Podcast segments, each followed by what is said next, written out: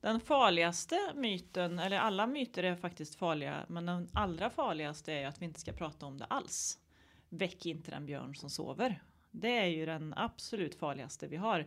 Så det är ju väldigt bra att vi sitter här och pratar om det för att visa motsatsen. Eh, det är tystnaden som dödar. Du som lyssnar och tvivlar på att du ska leva. Du är värdefull och du är viktig och du ska inte ta ditt liv. För tar du ditt liv så är det, det är liksom en permanent lösning på ett tillfälligt problem.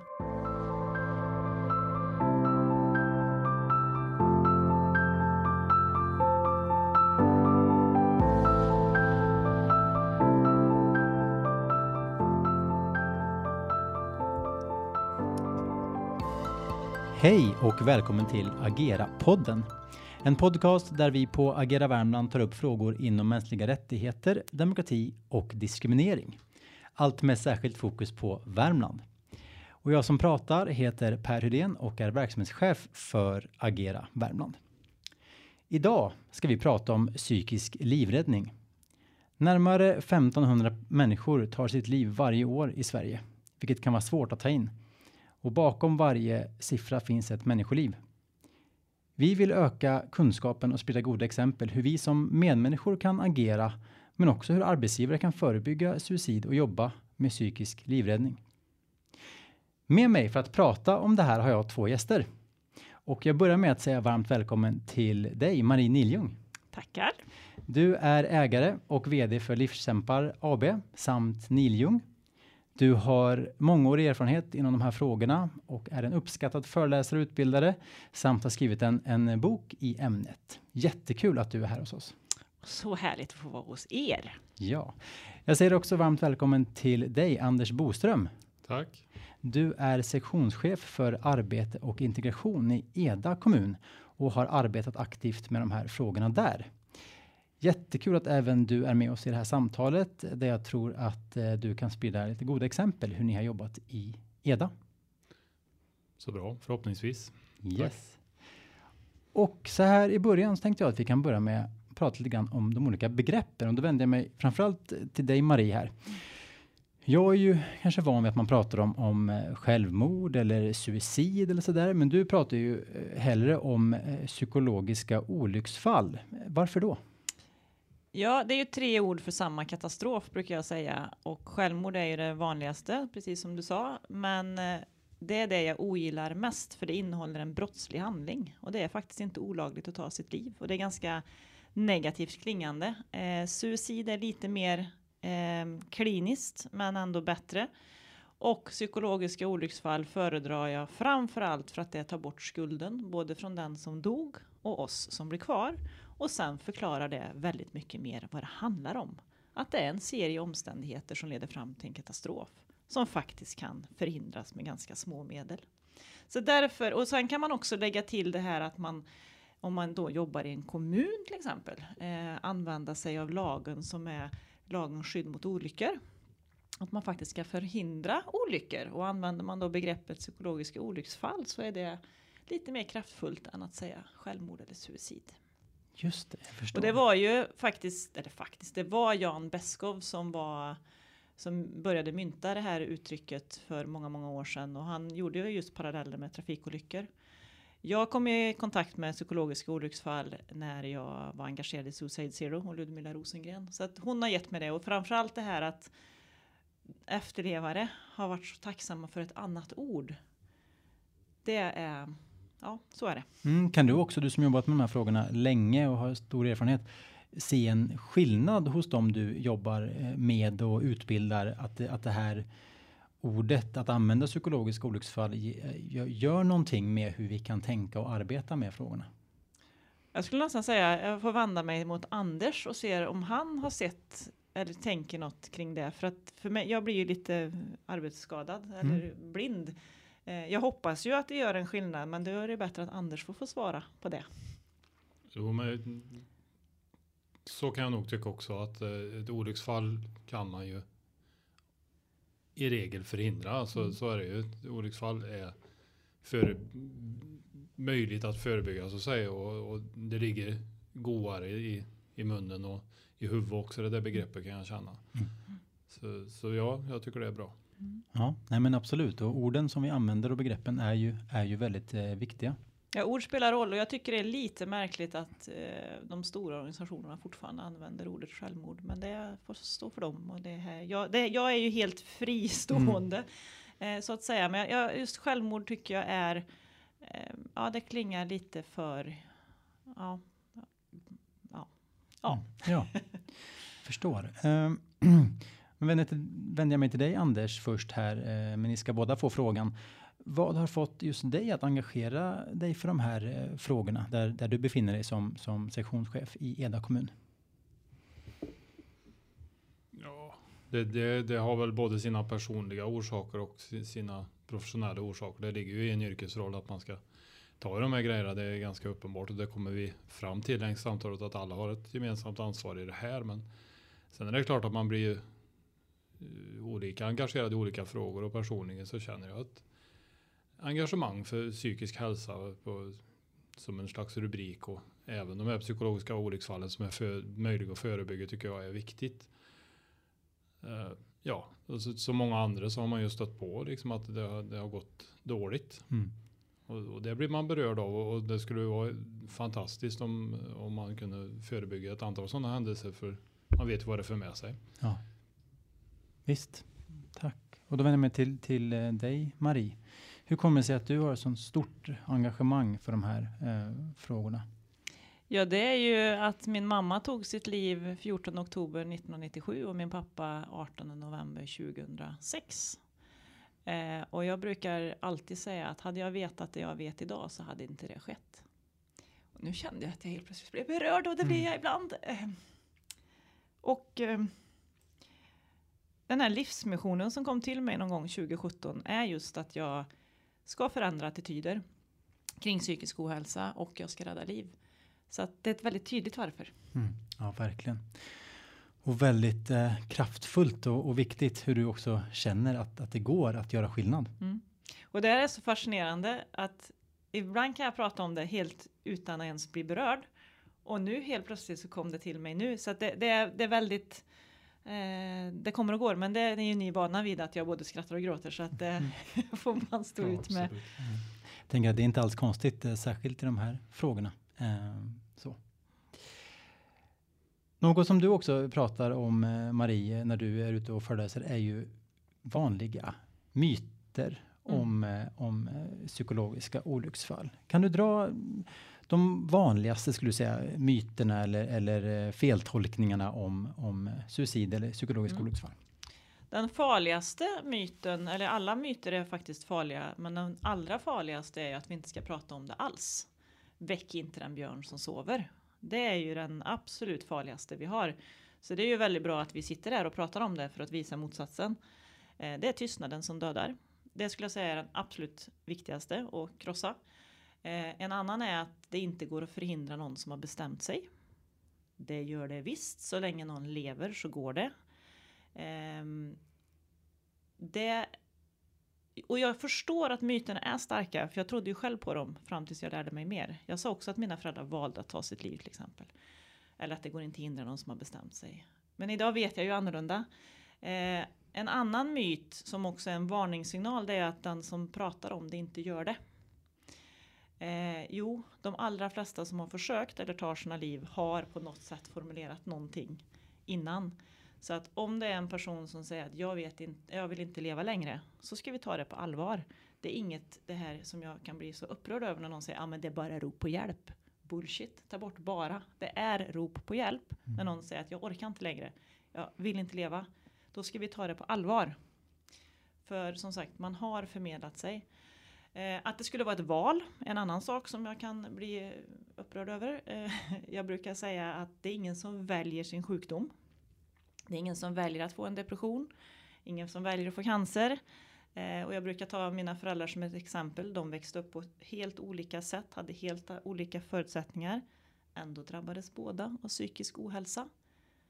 Så återigen, man väljer inte sin sjukdom och man väljer inte att ta sitt liv. Man befinner sig i en återvändsgränd där man inte har några alternativ. Mm. Eh, en annan myt som jag tror är bra att prata om det är ju det här att om någon som har varit deprimerad plötsligt verkar glad så är faran över. eh, då ska vi vara uppmärksamma. För det är en varningssignal och jag är ju väldigt medveten om den i och med att min pappa hade varit djupt deprimerad under en längre tid och kom hem till oss och var barnvakt två dagar innan han dör. Och hade jag vetat det jag vet idag så hade jag ju ställt helt andra frågor. Då hade jag ju frågat pappa, hur mår du egentligen? Jag hade ställt frågor om, hans, om han har tankar på att ta sitt liv, för han hade ju ändå gjort en hel del suicidförsök.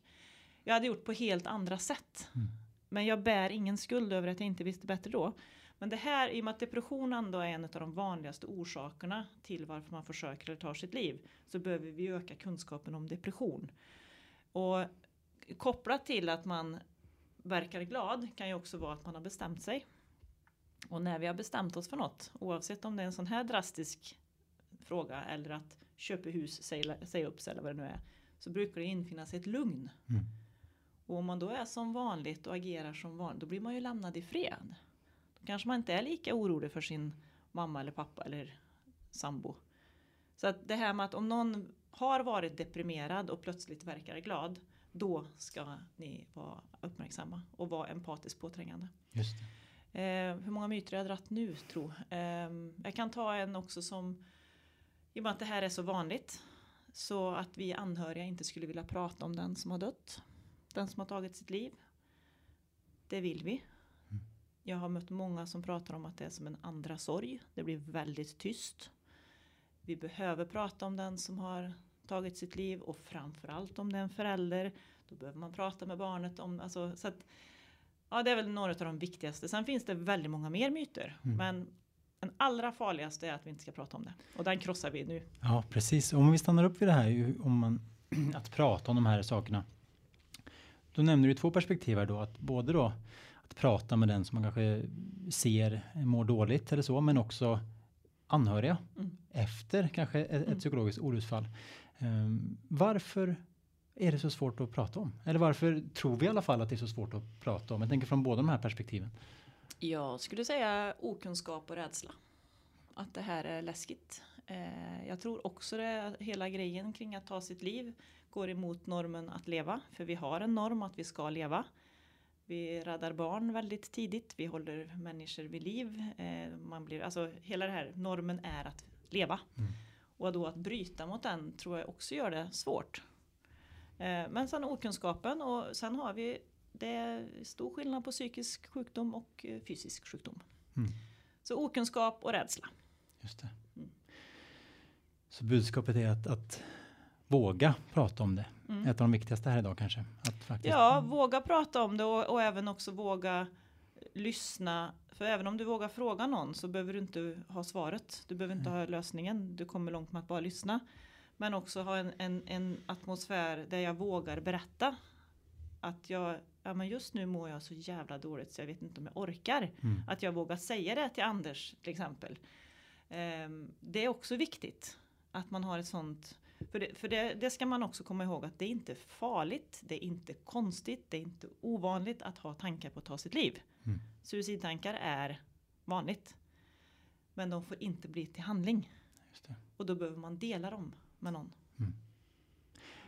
Anders, vad tänker du kring de här eh, myterna som de som Marie nämner här nu? Eh, är det något som ni har pratat någonting om eh, hos er i Eda kommun eller och vad tänker du själv personligen kring, kring dem?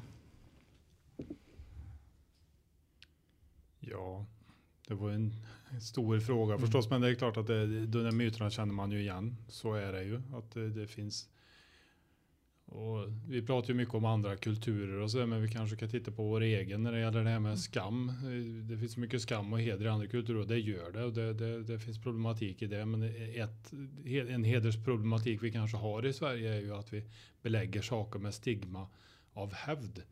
För det finns ju inget vettigt argument varför inte man skulle prata om en, en pappa till ett barn eller någonting för den har väl gjort fantastiska saker med, med sin son eller dotter och sin fru och sen händer det här. Men det tar ju inte bort det härliga som har hänt i livet så det, det är ju klockrent att sådana myter måste vi ju ta död på för det, det är ju ett fint sätt att liksom hylla livet det. Så, så det kan jag känna att den är ju Mm. jättebra och det går inte att hindra de som har bestämt sig och det, det är ju ganska uppenbart att så det gör det ju. Mm. Självklart gör det det.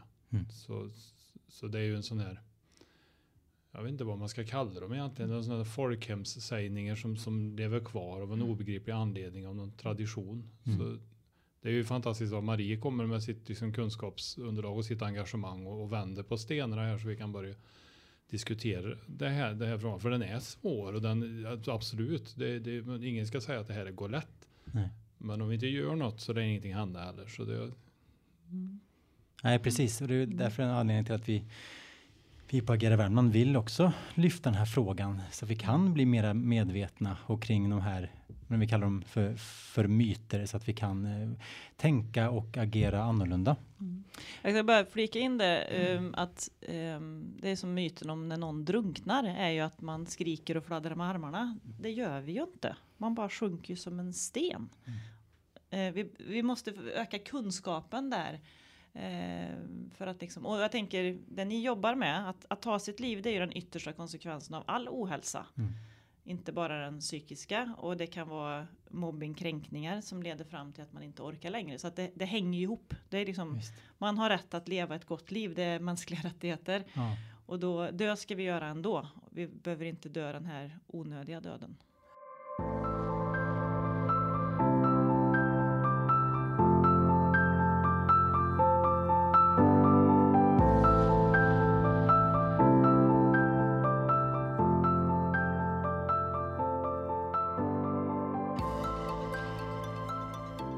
Anders, ni i Eda kommun eh, jobbar ju aktivt med de här frågorna och jag fick ju tips från, från dig Marie att just eh, ta med dig till det här poddsamtalet för att visa på ett gott exempel.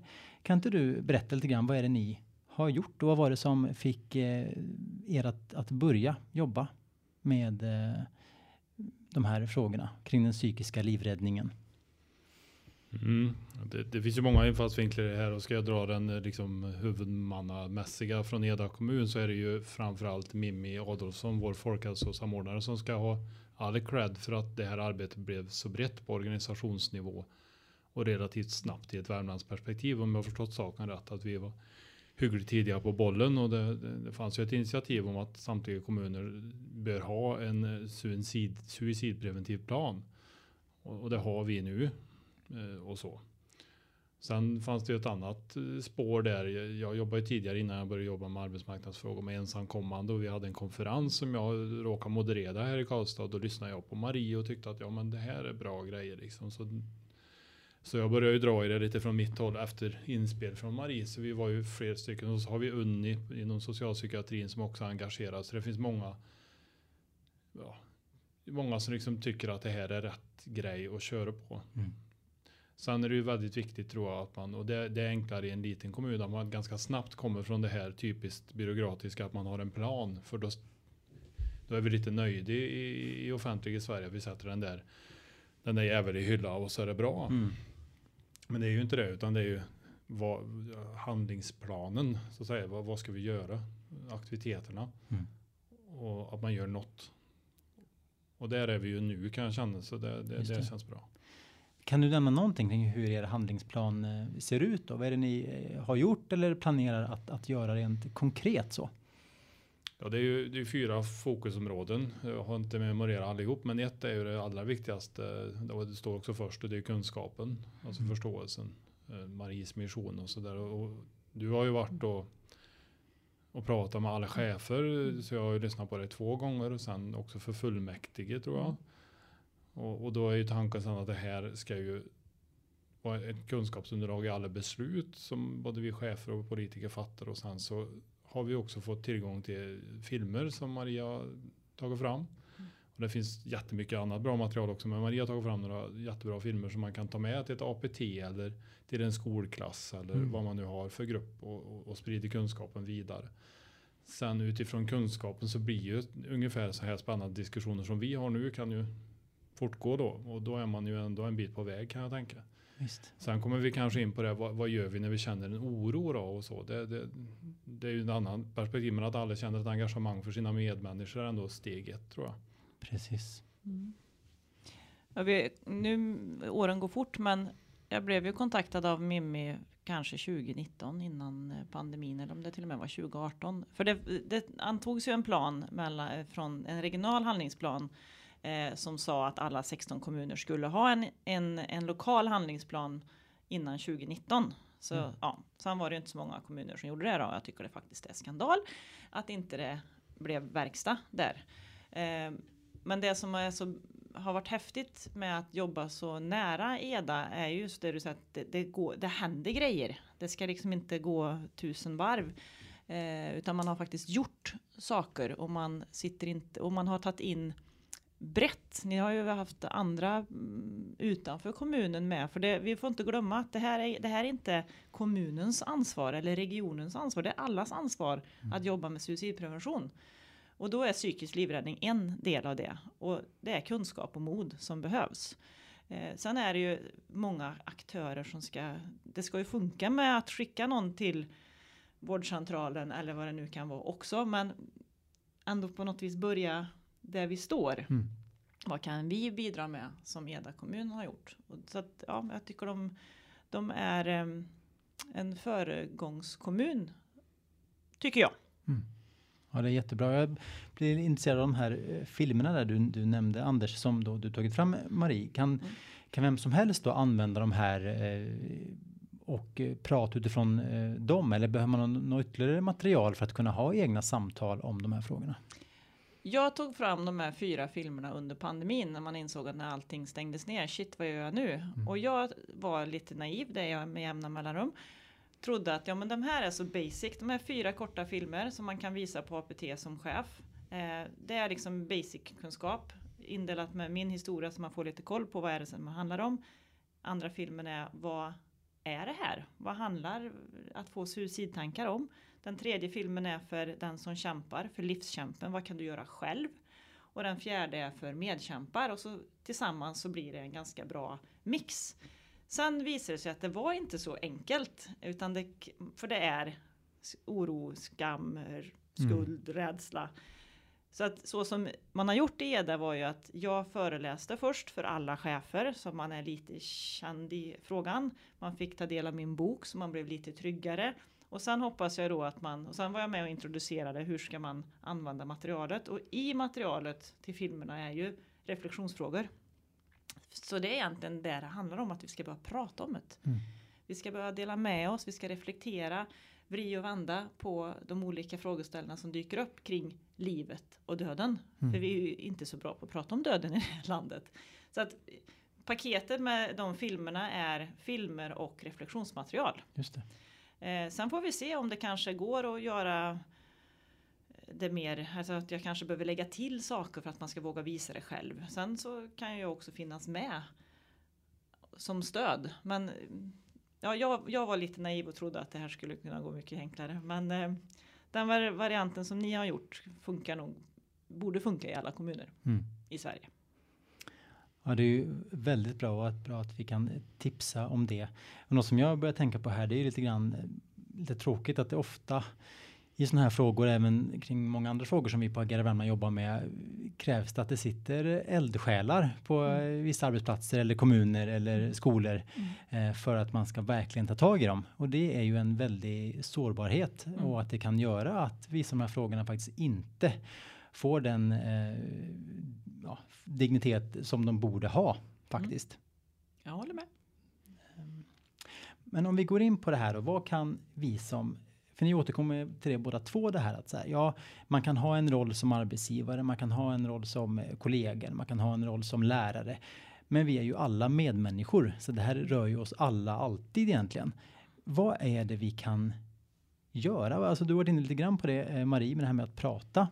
Men eh, vad kan vi som medmänniskor göra när vi ser eller börjar misstänka att någon i våran närhet mår väldigt dåligt? Nu tittar vi på varandra. Vem ska börja? Kör du, jag tror det känns tryggast om du svarar på den här Och så frågan du först. flik in. Eh, nej men det, det är både så svårt och så enkelt om att faktiskt våga fråga, våga lyssna och våga agera. Ett mantra som jag har liksom anammat. Att när du känner att någonting inte är, det, vi känner ju oftast när det inte är bra. Att då våga vara empatiskt påträngande till den här människan. För det är också ett problem vi har i Sverige att vi inte ska lägga oss i. Mm. Men att faktiskt, du, jag, jag, jag blir faktiskt orolig för dig för jag märker att du, du har ändrat dig. Du kommer inte med på fikat eller du, du svarar inte på samma sätt som du brukar. Jag, hur är det? Mm. Alltså att man börjar där.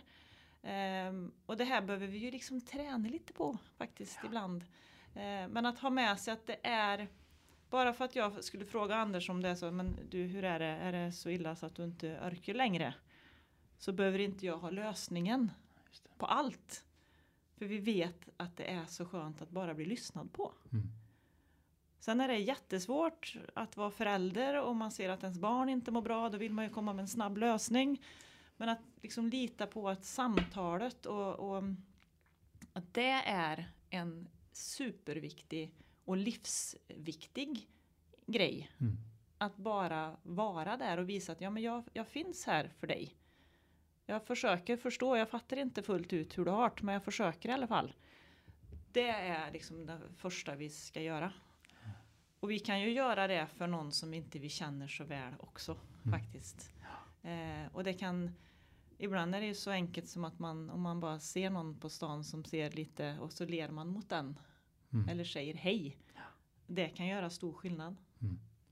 Nej, precis. Och man kanske ska fundera kring så här, men vad är det värsta som kan hända om jag ställer den här frågan?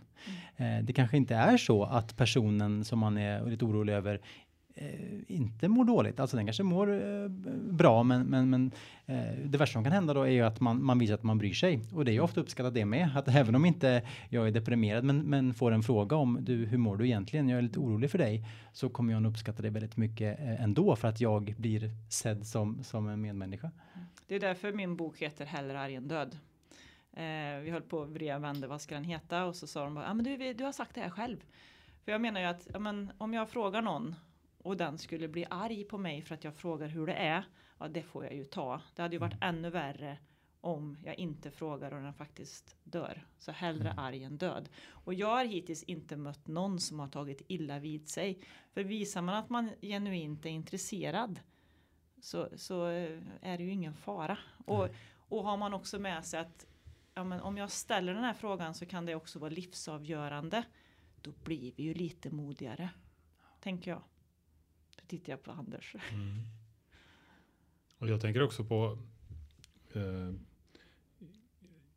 lite grann apropå att vara modig. Så vi, vi pratar ju i den här handlingsplanen om riskfaktorer. Det kan ju i och för sig bli lite stigmatiserande, men jag kan ju sticka ut hakan att, och erkänna att du och jag Per, vi, vi, vi befinner oss i större riskgrupp än vad Marie gör statistiskt sett. Mm. För det är 70 procent av vårt kön som hamnar i ett psykologiskt olycksfall i kontrast till 30 procent av de som definierar sig som tjejer. Då. Så, så där har vi ju någonting att prata om tänker jag. Det är lite grann där jag kommer in i min yrkesroll för många av dem jag möter har ekonomiskt obestånd och är av manligt kön och så vidare. Så vi, vi tickar in i många boxar i min verksamhet på, på riskfaktorerna för detta.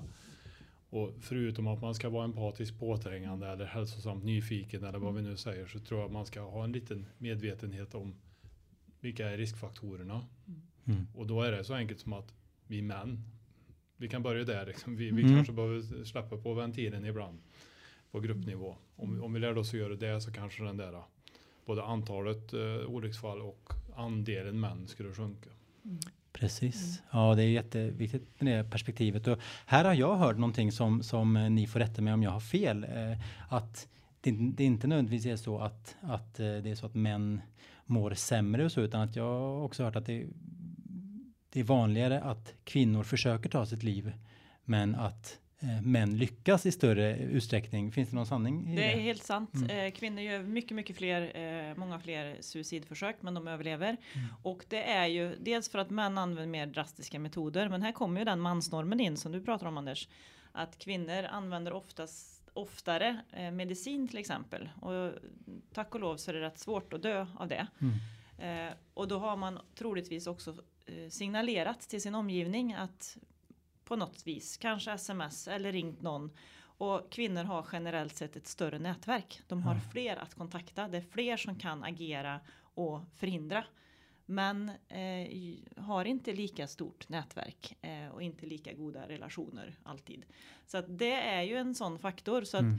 det är ju bara att hoppas att vi eh, vänder trenden att inte så många ska ens försöka. För det ska vi få komma till rätta med det här och nå en nollvision, då måste vi se till att människor inte ens försöker ta sitt liv. Mm. Och vi måste göra så mycket mer för de som har försökt att ta sitt liv.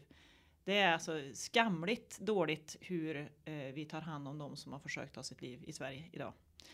För det kommer ju ge effekt. För har man, även om man har försökt en gång så dör 85-90% inte av den anledningen senare i livet. Men det är fortfarande en ganska höjd risk Mm, okej. och de måste vi ta på allvar.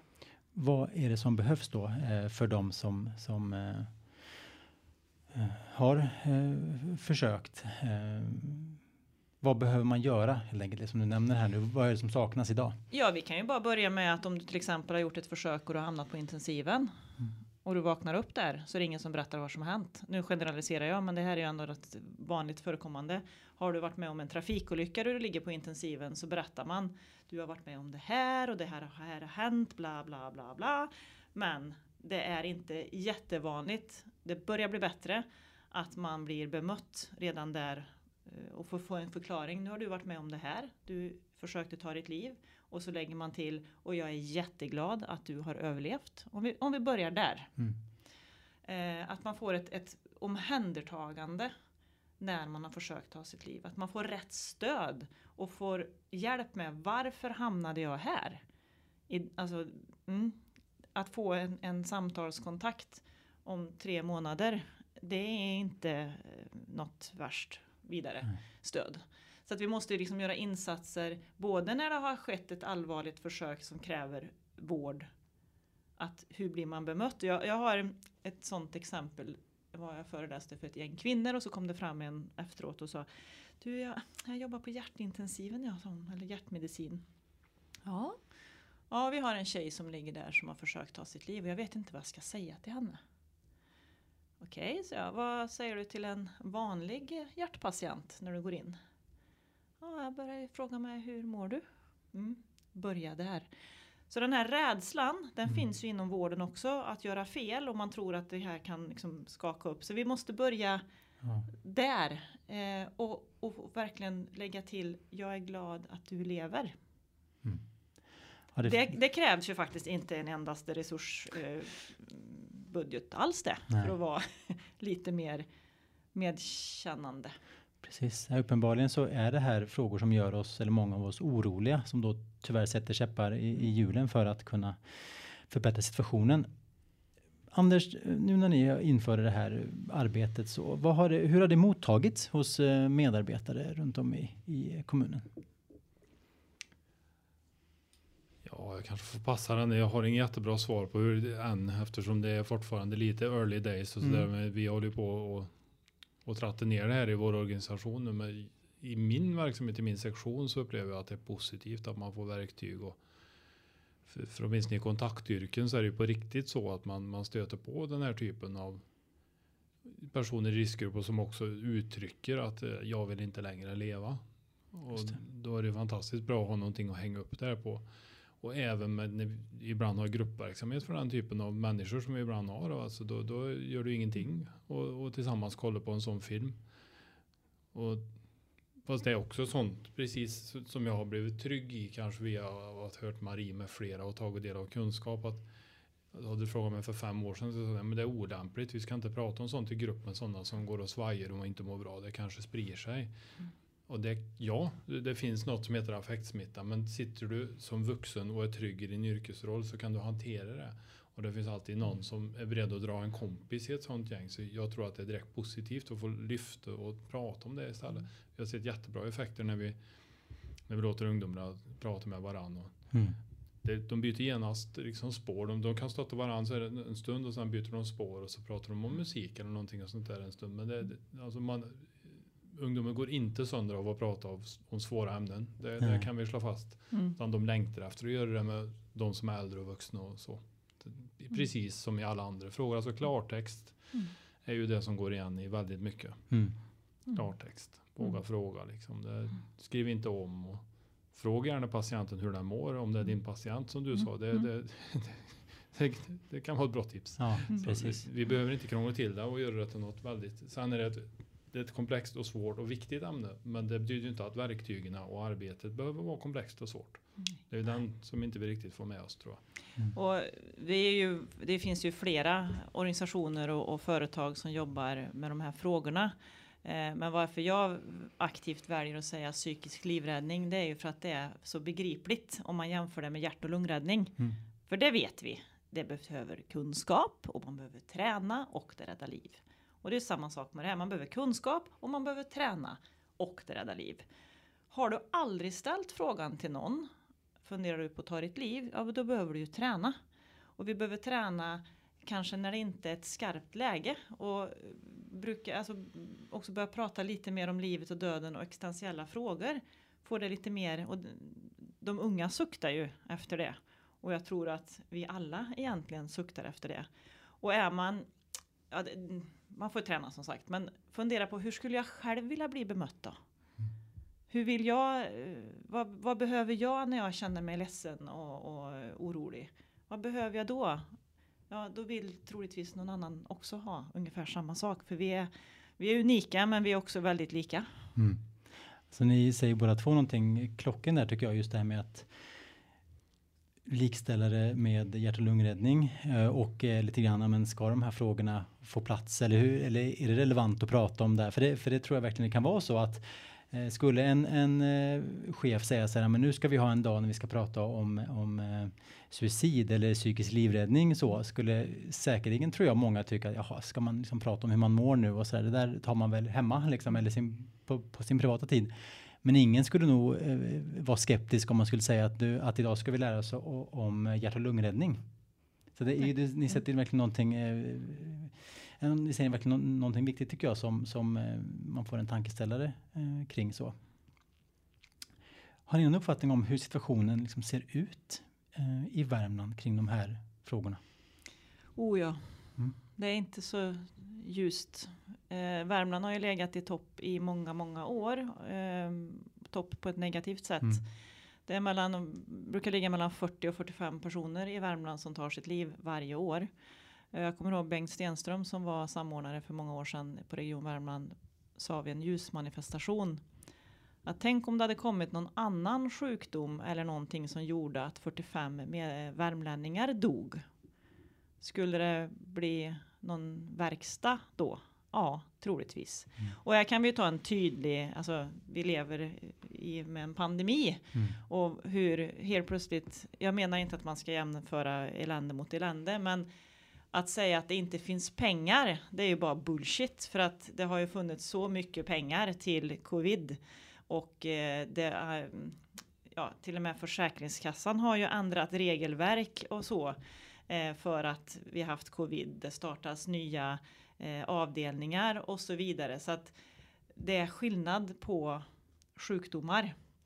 Men det finns en fördel med, med den här coviden, eh, pandemin, är ju att jag upplever att det är en större förståelse bland gemene man att vem som helst kan bli sjuk. Både i covid men också i psykisk ohälsa. Mm. Att man kan få en depression fast man har allting. Det här med att jobba hemma har ju inte passat alla. Eh, men Värmland sticker ut och har gjort i många, många år och det beror säkert på en massa anledningar. Vi är ett glesbygdslän, vi är ganska ojämställda.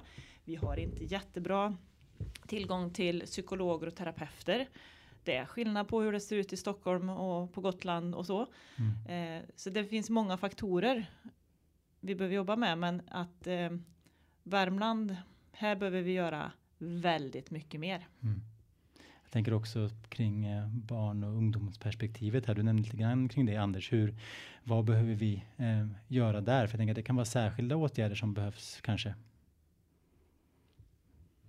Ja, jo men det, så kan det vara och eh, jag vet att eh, det kanske jag skulle ha sagt inledningsvis men redan innan vi började med den här planen så hade vi ett mindre initiativ i samma riktning i EDA som var rätt så klädsamt som heter då MHFA som står för Mental Health First Aid vilket är samma som Marie pratar om fast det är en strukturerad metod Mm. som är lite tung på så vis att man måste gå utbildning i två dagar och så men vi hade utbildade ledare i detta.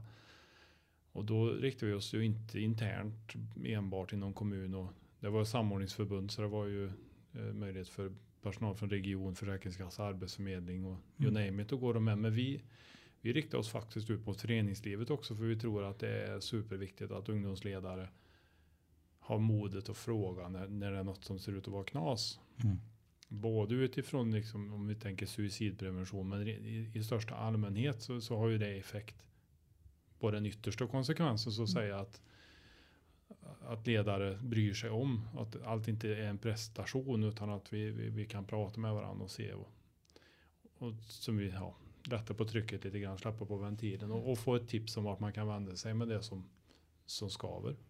Precis, ja men absolut. Det är ju såklart jätteviktigt att om inte, säg ett barn då får den här frågan av sin lärare så, så kanske man kan få det från sin fotbollstränare eller någon annan i sin, i sin närhet. Eh, så i den. Man befinner sig ofta i, i flera sammanhang eh, och då måste vi ju, det är ju Men- otroligt bra att man kan arbeta brett. Ja. Eh, Den enkla svaret är att vi behöver göra tidiga insatser. Mm. Eh, Ska vi komma till rätta med allt som är krångligt här så behöver vi agera tidigt. Eh, Vi vet ju, skulle jag säga, att redan på MVC vet man vilka föräldrar och familjer som behöver stöd. Sätt in det redan där. Vi vet när barn skrivs in på förskolan vilka som behöver stöd. Gör insatser tidigt. För det är det som ger effekt. Men nu har vi ju ett system med att politiker väljs var fjärde år och då är det här kanske lite långsiktigt då och då Mm. kanske man inte riktigt vågar föreslå det för man behöver ju satsa både på de små barnen och de som har hamnat snett och är placerade på olika hem. Mm. Men ska vi få effekt så måste vi börja med tidiga insatser. Just det. När man pratar med barn och unga kring de här frågorna så är det ju något som oftast kan komma upp att man eh, man, berättar, man, man får lova att man inte ska berätta hur kompisen mår. Och här är ett superviktigt budskap att du får inte hålla din kompis dåliga mående hemligt.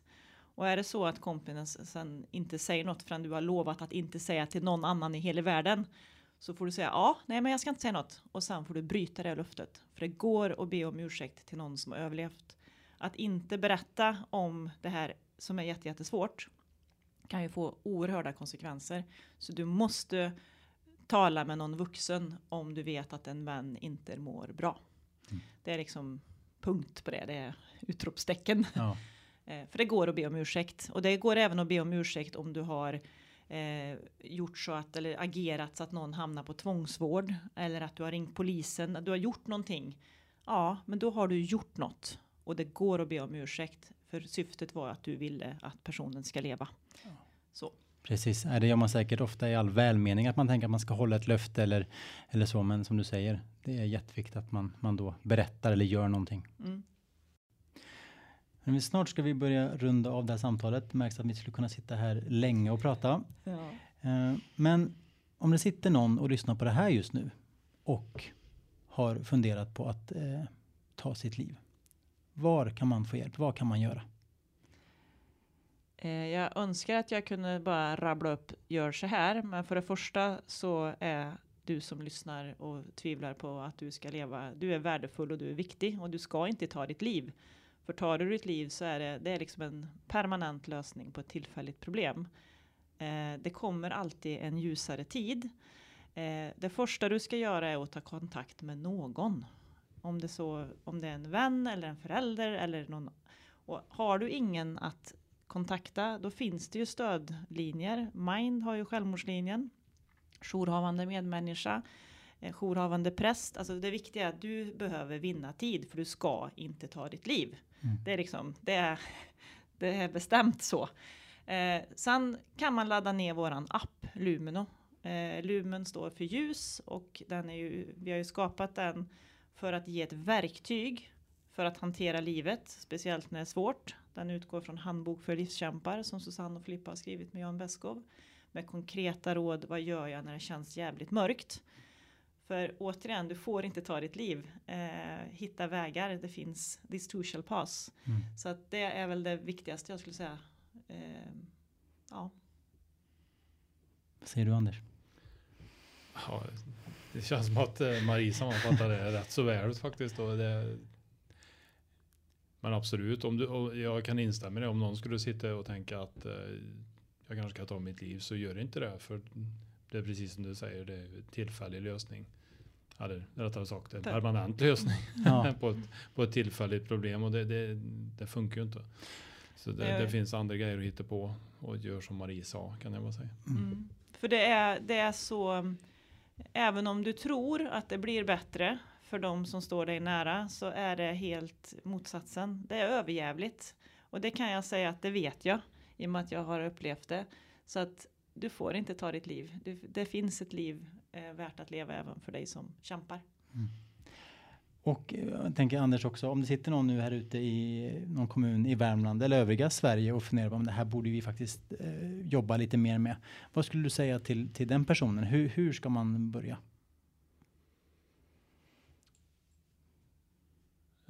Ja, hur ska man börja? Först behöver man lära sig saker och så skaffa dig kunskap och agera utifrån den. Sen är det jättebra. Det som är fördelen med det, jag kanske lite raljant sa om en, om en plan som vi har beslutat oss för att alla kommuner, vilket de inte har än, men snart kanske alla kommuner i Värmland ska ha en plan. Den är ju lite permanent. Och det är inte dåligt att den finns där i hyllan för personer byts ut och som du var inne på för att motverka att det ständigt är beroende av en eldsjäl så är det Mm. bra om det finns ett fattat beslut och en plan som gäller. Eh, Då har man någonting att hålla sig i. Sen måste man tyvärr göra det jobbigt och göra konkret verkstad av planen. Men planen är inte på något sätt oviktig och det kan vara smart att börja där för då, då får man ju en förankring som vi fick till i hela organisationen inklusive politiken och det är aldrig dåligt i en, offentligt, i en offentlig organisation. Så det är nog mitt tips. Mm. Och är man bara en arbetsgivare som lyssnar på det här så tycker jag att då ska vara, bland annat överväga att vara väldigt generös med företagshälsa till exempel. Det kan vara jättebra förebyggande insats om man nu sitter och tänker att jag ska ju sälja blöjor här så jag har inte tid med det där men det, det har du visst det till att börja med och sen så kan du vara generös med din företagshälsa om din personal inte mår bra. Skit samma om det har med jobb att göra eller inte utan var generös och erbjud samtalsstöd. Mm. Och jag kan lägga till att Suicide Zero har ju eh, jättebra plan, mallar för planer och kan hjälpa till eh, att kommuner får till planer. Så att det finns ju det finns verktyg att ta hjälp och du behöver inte uppfinna hjulet igen. Är du en halvstor kommun eller liten kommun, ja men då kan man kolla på hur ser kommunerna i närheten ut? Hur har de gjort? Kan jag liksom copy and paste och anpassa lite efter vad vi behöver? Så att det finns hjälp. Gör något! Är Mm. väl liksom Ja, Ja, gör exakt, Exakt. Ja, jättebra. Ehm, jag tänker att det får bli eh, slutordet här egentligen. Att det är du som eh, sitter och har någon form av ansvar som arbetsgivare eller rektor eller sådär och inte jobbar med frågorna idag. Eh, gör det. Det finns massa verktyg att, att, att ta till och, och massa kunskap att, att, att få. Och du som kanske överväger att, att ta ditt liv, gör inte det. Eh, det finns även hjälp att få där. Och jag kommer också länka till de delarna som, som du nämnde där Marie i avsnittet här, bland annat till, till appen och telefonnummer som, som man kan ringa. Och något som jag verkligen tar med mig från det här samtalet med, med er två är det- här kring eh, att vara empatisk påträngande, att våga vara det. Jag tyckte verkligen om det, det ordet. Eh, så. Och att vi, som du säger Marie, att våga fråga, våga lyssna och våga agera. Tusen tack säger jag till dig eh, Anders Boström och till dig Marie Niljung för att eh, ni kom hit och hade det här samtalet med mig. Tack för att ni eh, krossar myten. Eller myterna. Mm. Tack för inbjudan. Och eh, tack även till dig som har lyssnat på det här avsnittet. Kolla gärna in Agera Värmland på sociala medier. Vi finns på Facebook, Twitter och Instagram. Du hittar även mycket information på ageravärmland.se. Hej då!